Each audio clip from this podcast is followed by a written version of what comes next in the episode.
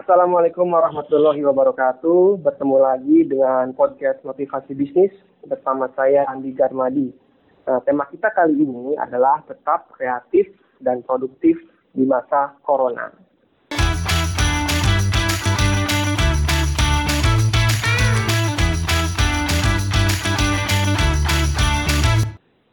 Oke, uh, seperti yang kita ketahui dan kita rasakan ya bahwa dampak virus COVID-19 ini sangat berpengaruh kepada hampir semua aspek kehidupan.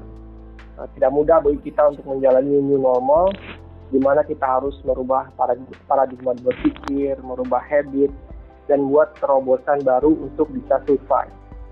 Nah, di podcast kali ini, saya tidak sendiri, saya ditemani oleh teman saya sekaligus narasumber podcast kita ya. Beliau ini dulu rekan kerja saya ketika mengajar di salah satu sekolah swasta di kawasan Bogor. Kemudian beliau melanjutkan karirnya di salah satu bank BUMN ternama di Indonesia sebelum memutuskan untuk terjun berwirausaha di bidang makeup artist dan bisnis kreatif lainnya. Oke, kita sambut founder dan CEO Titik Terang, Miss Yujen Ahadinitya. Apa kabar nih? Alhamdulillah, Pak Andi baik. Terima kasih banget kesempatannya Pak Andi, terima kasih. Ya, ya gimana nih kesibukan sekarang, aktivitas sekarang setelah menjadi seorang entrepreneur nih? Uh, sekarang ya di masa pandemi ini, Alhamdulillah sibuknya malah tiga kali lipat Pak Andi daripada masa-masa normal ya. Iya. Jadi the new normal itu uh, emang emang justru luar biasa kalau buat kami gitu. Jadi mungkin saya jelasin sedikit ya. Jadi kalau titik terang itu kan memang digital agency ya. Jadi kita bergerak memberikan servis di bidang digital marketing, di, uh, konten kreatif, uh, kemudian strategi dan sebagainya. Tapi intinya tuh semua yang serba digital. Nah untungnya karena kami agensi digital, jadi kami nggak terlalu shock gitu dengan adanya working from home ini karena memang udah biasa bekerja remote gitu. Cuma yang bikin uh, apa namanya? Yang bikin terkejut itu hanyalah kenapa tiba-tiba lotnya jadi naik gitu. naik tiga kali malah jadi berkah ya. Justru yeah. malah jadi berkah banyak kesibukannya. betul, betul. Kayaknya gara-gara ini nih Pak Andi. Uh, apa kan orang nggak uh, pergi jalan, maksudnya nggak jalan ke kantor ya. Jadi waktu hmm. tuh efektif banget terpakai di rumah gitu. Benar, benar. Iya kan, jadi nggak habis waktunya benar. di jalan. Nah itu akibatnya jadi kayak nggak ada waktu uh, masuk dan waktu pulang gitu kayaknya 24 jam bebas uh, aja ya. bebas bebas aja bener-bener pak oke okay, iya. oke okay. saya sebelum minta maaf nih karena saya tuh terbiasa manggil Miss Miss Dukes, Miss Dede, jadi mungkin saya terbiasa Miss Miss ya. Bagi teman-teman yang dengar jadi Miss Miss Miss ya udahlah ya. iya dulu Pak Andi waktu di sekolah uh, swasta internasional yang di daerah Bogor itu kan basisnya hmm. bahasa Inggris ya Pak Andi ya dulu ya. Jadi yes. kita panggilnya Mr. Andi sama Pak Andi kalau panggil saya Miss Dede gitu. Miss Dede. yeah. Jadi sampai sekarang lidah itu susah untuk yeah. merubah jadi hal yang lain tuh. Iya benar-benar Pak. Ya. Oke oke. Uh, Miss Dok, gimana nih? Kan dalam kesibukan tadi kan cerita ya, sibuk mm. banget dengan justru malah nambah lot kerjaan gitu ya. Mm. Nah sekarang tuh gimana sih ya kita uh, ngatur waktu ya kegiatan di masa seperti ini atur atur waktunya gitu uh, justru memang kalau sekarang itu kalau menurut uh, aku ya uh, itu waktu yang yang paling harus banget kita pikirkan untuk dimanfaatkan dengan sebaik-baiknya. Soalnya challenging hmm. banget emang ngatur waktu, apalagi kalau kayak uh, saya ibu rumah tangga gitu ya, uh, Pak Andi. Kalau ibu rumah tangga kayak hmm. saya itu, satu kita harus uh, ngerjain semua pekerjaan kantor yang tiba-tiba harus dari rumah gitu kan. Sementara iya. anak-anak uh, yang dua orang ini harus school from home juga gitu, yang harus kita ya, pantau ya, tugasnya, terus ya. pelajarannya kita harus ngajarin gitu. Terus apa yang Saya paling juga merasakan itu. Iya. Iya Pani ya, waduh. Bener-bener yang namanya school from home itu luar biasa emang guru ya di sekolah tuh ngajarinnya sih saya angkat jempol banget deh. Iya. Ya, terus uh, sekarang kita dapat bonus nih sebetulnya. Alhamdulillahirabbil alamin ada bonus Ramadan gitu yang harus kita manfaatkan sebaik-baiknya kan sebaik-baiknya memang Ramadan itu kita harus banyak baca Quran gitu kan ibadahnya kita perbanyak Jadi memang sekarang itu ngatur waktu tuh challenging banget gitu. Kalau saya biasanya ngaturnya oh, pagi-pagi dihabisin dulu untuk kerja gitu kan karena Zoom itu memang nggak berhenti kebetulan Pak Andi alhamdulillah dari jam ya, 8 ya. sampai jam 5 nonstop itu ganti-ganti partner gitu. Luar biasa. ya. Nanti eh, jam 5 ke sana baru mulai sisipin eh, ibadah atau apa gitu kan. Terus uh, nyiapin bukaan habis itu habis buka puasa baru ngurusin PR-nya anak-anak apa tugas ngajarin sebentar terus taraweh terus nanti anak-anak mulai ngaji lagi kan kalau anak-anak kan ngajinya masih kita liatin gitu kan jadi ya kayak iya. gitu siklusnya kayak gitu terus tiap hari dan alhamdulillah kalau menurut saya waktu itu jadinya lebih uh, termanfaatkan dengan baik justru di masa sekarang gitu di masa Ramadan ini malahan ya daripada iya, sebelum iya. Ramadan gitu. Iya, gitu sih Pak Andi. maksimal ya ini mm, apa mm. pengaturannya ya. Iya, betul. Itu ya, sih kira-kira. Nah, ini kan kita bawain tema tetap kreatif dan produktif di masa corona ini ya. Mm -hmm. Nah, kan sebagai entrepreneur nih sekarang, yeah. bagaimana sih untuk mendapatkan ide ya serta mengubah suatu gagasan gitu kan? Ada ide nih, ide kreatif menjadi eksekusi campaign. Jadi lebih oh. gimana tuh dapatin ide-idenya gitu ya. Oh ya, oke okay, oke. Okay. Uh, eh, jadi gini kebetulan kalau di titik terang digital agency itu klien-klien kami itu memang fokusnya saat ini tuh bukan untuk jualan gitu. Jadi ada hmm. klien beberapa klien tuh kita bantu CSR-nya justru. Terus yang satu oh. lagi klien kami yang paling utama itu adalah Kemenparekraf. Jadi uh, saat ini tuh kita lo kita yang paling banyak itu adalah membantu Kemenparekraf yang berupaya membantu masyarakat yang terdampak COVID-19 gitu sih okay. biasanya. Nah jadi kita berusaha juga jalanin beberapa campaign gitu kan sesuai dengan arahan Pak Menteri di situ gitu. Nah hmm. uh, biasanya kalau untuk dapetin ide untuk campaign itu yang kita lakukan tuh pertama kali kita melakukan desk research. Jadi desk, uh, research from your desk lah intinya ya. Jadi uh, desk research itu kita melakukan riset uh, dari tools apa yang kita pakai untuk analisa selama ini uh, pekerjaan kita di digital di website atau sosial media kan kita pasti biasanya ada tools ya ada social oh, listening iya. tools ada sosial media analitik ada website analitik. Nah kita ada sedikit aja dari hasil-hasil analitik tools tersebut. Itu yang pertama biasanya cari idenya. Kemudian satu lagi kita lihat trending topik apa sih sekarang yang lagi berputar di uh, market gitu? Market yang kita tuju tuh apa? Kemudian kita lihat misalnya kayak di Indonesia kan kalau di Kemenparekraf tuh kami bergelut dengan masalah pariwisata gitu. Apa yang sekarang yeah. menjadi isu uh, di masalah pariwisata ini gitu nggak tertutup kemungkinan misalnya kayak para pelaku pariwisata yang terdampak COVID karena mereka mungkin harus di PHK yang seperti itu. Nah itu memang kita harus peka gitu melihat itu. Nah terus yang terakhir kita biasanya melakukan benchmarking dengan kompetitor di industri yang serupa, Pak Andi. Jadi misalnya okay. uh, eh, kalau misalnya brandnya kita apa kan kita pasti tahu ya positioning ya. Positioning kita uh. harusnya kompetitornya si A, si B atau si C gitu. Nah kita lihat tuh tetangga tetangga kita itu melakukan apa. Nah dari situ biasanya kita dapat inspirasi nih gitu. Cek-cek sosmed juga apa yang orang lakukan di masa pandemi ini gitu. Nah biasanya nanti jadi keluar tuh, oh idenya mesti ngapain. Tapi jangan lupa ide ini biasanya harus selaras sama uh, apa yang harus brand lakukan gitu jangan sampai salah langkah. Intinya tujuannya seperti itu. Kalau kita lihat beberapa uh, apa namanya beberapa brand uh, mostly ya di Indonesia saat ini tuh mulai berusaha buat peka gitu loh Pak Andi. Jadi mereka mulai membagi yeah. fase ini menjadi fase sebelum COVID gitu kan fase semasa pandemi dan nanti fase setelah pandemi. Apa yang mau dilakukan gitu? Mereka melakukan staging biasanya gitu Yeah, nah, yeah. di situ tuh uh, sekarang kalau sekarang kan masa pandemi ya biasanya kita berusaha peka aja uh, kepada audiens apa sih yang mereka butuhkan sekarang gitu.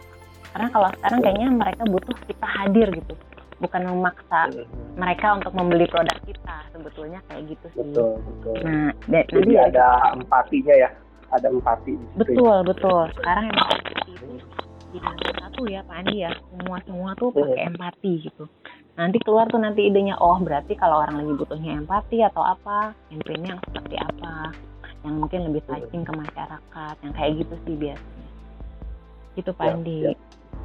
oke oke. Dari tadi uh, ide-ide ya penerapan ide tersebut apakah dari beberapa step-step dari researching ya, terus uh, trending terus benchmarking itu apakah perlu modal besar untuk memulai menuangkan ide tersebut? Mungkin ada contoh yang bisa pernah dialami oleh uh, Miss Jok gimana tuh? Oh ya, jadi gini Pak Andi, kalau uh, memerlukan modal besar, jadi ini pengalaman baru aja terjadi kemarin ya. Kami mencoba bikin campaign uh, namanya bersama jaga kebaikan. Mungkin bisa dicek di Instagram ada Instagramnya Pesona Indonesia. Nah uh, di Pesona ID Travel nama nama akunnya itu punya Kementerian Pariwisata dan Ekonomi Kreatif. Nah di situ kita coba bikin campaign sebetulnya tapi apa yang lucu gitu ya sebetulnya ternyata di masa pandemi ini ada satu hal yang terbalik Pak Andi. Jadi kalau dulu kalau dulu kan kita kalau bikin campaign uh, orang tuh uh, akan tertarik ketika kita ngebus pakai ads ya. Ads itu kan oh, uh, iya. promote pakai modal yang besar ya Pak Andi ya. Namanya benar, ads benar. gitu kan. Nah, itu. Iya, iya. Tapi ternyata di masa sekarang itu ads itu nggak laku Pak Andi. Ads itu nggak laku. Hmm. Jadi kami coba burning pakai ads uh, itu hasilnya tidak sebagus waktu sebelum masa pandemi. Hmm. Akhirnya kita coba telah kan, ini di mana ya permasalahannya? Oh ternyata orang tuh lebih lebih uh, tersentuh ketika yang ngetuk itu uh, temennya atau jaringannya. Intinya orang-orang hmm. di dalam inner circle-nya dia gitu. Iya iya. Iya jadi akhirnya. Berarti lebih ini secara organik lebih justru lebih ini ya lebih lebih bisa efektif ya sekarang-sekarang ini. Iya, betul sekali Pak Andi. Jadi benar-benar serba hmm. organik. Jadi manfaatin komunitas, manfaatin jaringan, hmm. network, terus partner gitu kan. Terus ada grup WA, yeah. grup-grup WA itu sangat-sangat ini karena beberapa kali saya perhatikan namanya ibu rumah tangga juga ya. Kita kan ada grup ibu-ibu sekolah gitu kan. Iya, pasti pasti itu. Iya. wag wag wag wag banyak iya. banget ya. WAG WAG. WAG WAG banyak banget. Nah, itu Eh, rata-rata uh, tuh mereka akan nge-share konten-konten yang seperti ini. Oh ini temenku ada menjual ini loh. Jadi brand itu jualannya pakai uh, quote in quote apa namanya uh, kata-kata yang penuh welas asih gitu. Jadi tolong dibantu ya temenku ini jualan. Soalnya di masa pandemi ini dia uh, harus ganti pekerjaan jadi apa gitu atau masa hmm. pandemi hmm. ini jualannya tuh kurang laku tolong dibantu ya jadi akhirnya orang tuh willingness membelinya itu karena kasihan gitu sebetulnya motifnya ya banyaknya iya, iya. bukan iya. karena kebutuhan gitu kalau sekarang makanya si apa iklan-iklan itu banyak nggak laku karena memang orang tuh lagi nggak butuh gitu sekarang tapi orang iya, emang iya. apa courageous untuk melakukan kebaikan itu sedang tinggi gitu nah itu sih salah satu jadi kayaknya kalau butuh modal besar di masa sekarang enggak juga ya gitu iya Seperti jadi ini. bisa sebetulnya bisa disesuaikan dengan kondisi ya kayak mm. sekarang mungkin tidak perlu uh, big money kita bisa kita bisa kalau manfaatkan ya. Kita bisa melihat situasi lebih bisa lebih empati bikin message-message-nya juga lebih empati ya. Jadi justru lebih bisa diterima ya. Ya jadi kayak gitu sih sekarang kondisinya memang Pak Andi. Empati itu nomor satu ya sekarang. Iya, iya. gitu siap siap. Nah ini sekarang nih kan mungkin bagi teman-teman yang pengen dapat tips atau mungkin gimana sih tipsnya supaya stay kreatif, stay produktif dengan di tengah keterbatasan ini. Jadi gimana tipsnya nih kita sebagai masyarakat awam ingin tetap produktif. Kan kalau mager di rumah terus juga bosen ya. Iya betul. kegiatan kegiatan bosen, di rumah bosen gitu kan. Nah, apakah mungkin dari uh, Miss Juk ada tips bisa di-sharing ke teman-teman gimana supaya kita tetap kreatif, tetap produktif di masa corona seperti ini.